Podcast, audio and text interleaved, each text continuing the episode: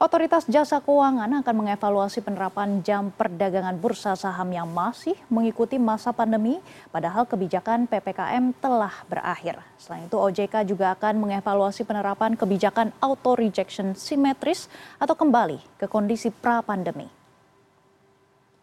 Melihat perdagangan bursa hari pertama 2023, jam perdagangan di Bursa Efek Indonesia masih berlaku sama saat masa pandemi, yakni pembukaan pukul 9 pagi sampai 3 sore untuk penutupan.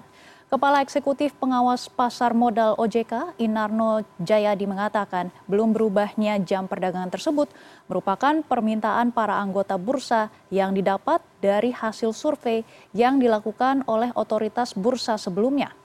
Penutupan sesi kedua pada jam 3 sore ternyata membuat rata-rata transaksi harian justru meningkat. Dan selain itu, OJK juga akan mengkaji pengembalian auto rejection yang simetris atau seperti masa pra-pandemi.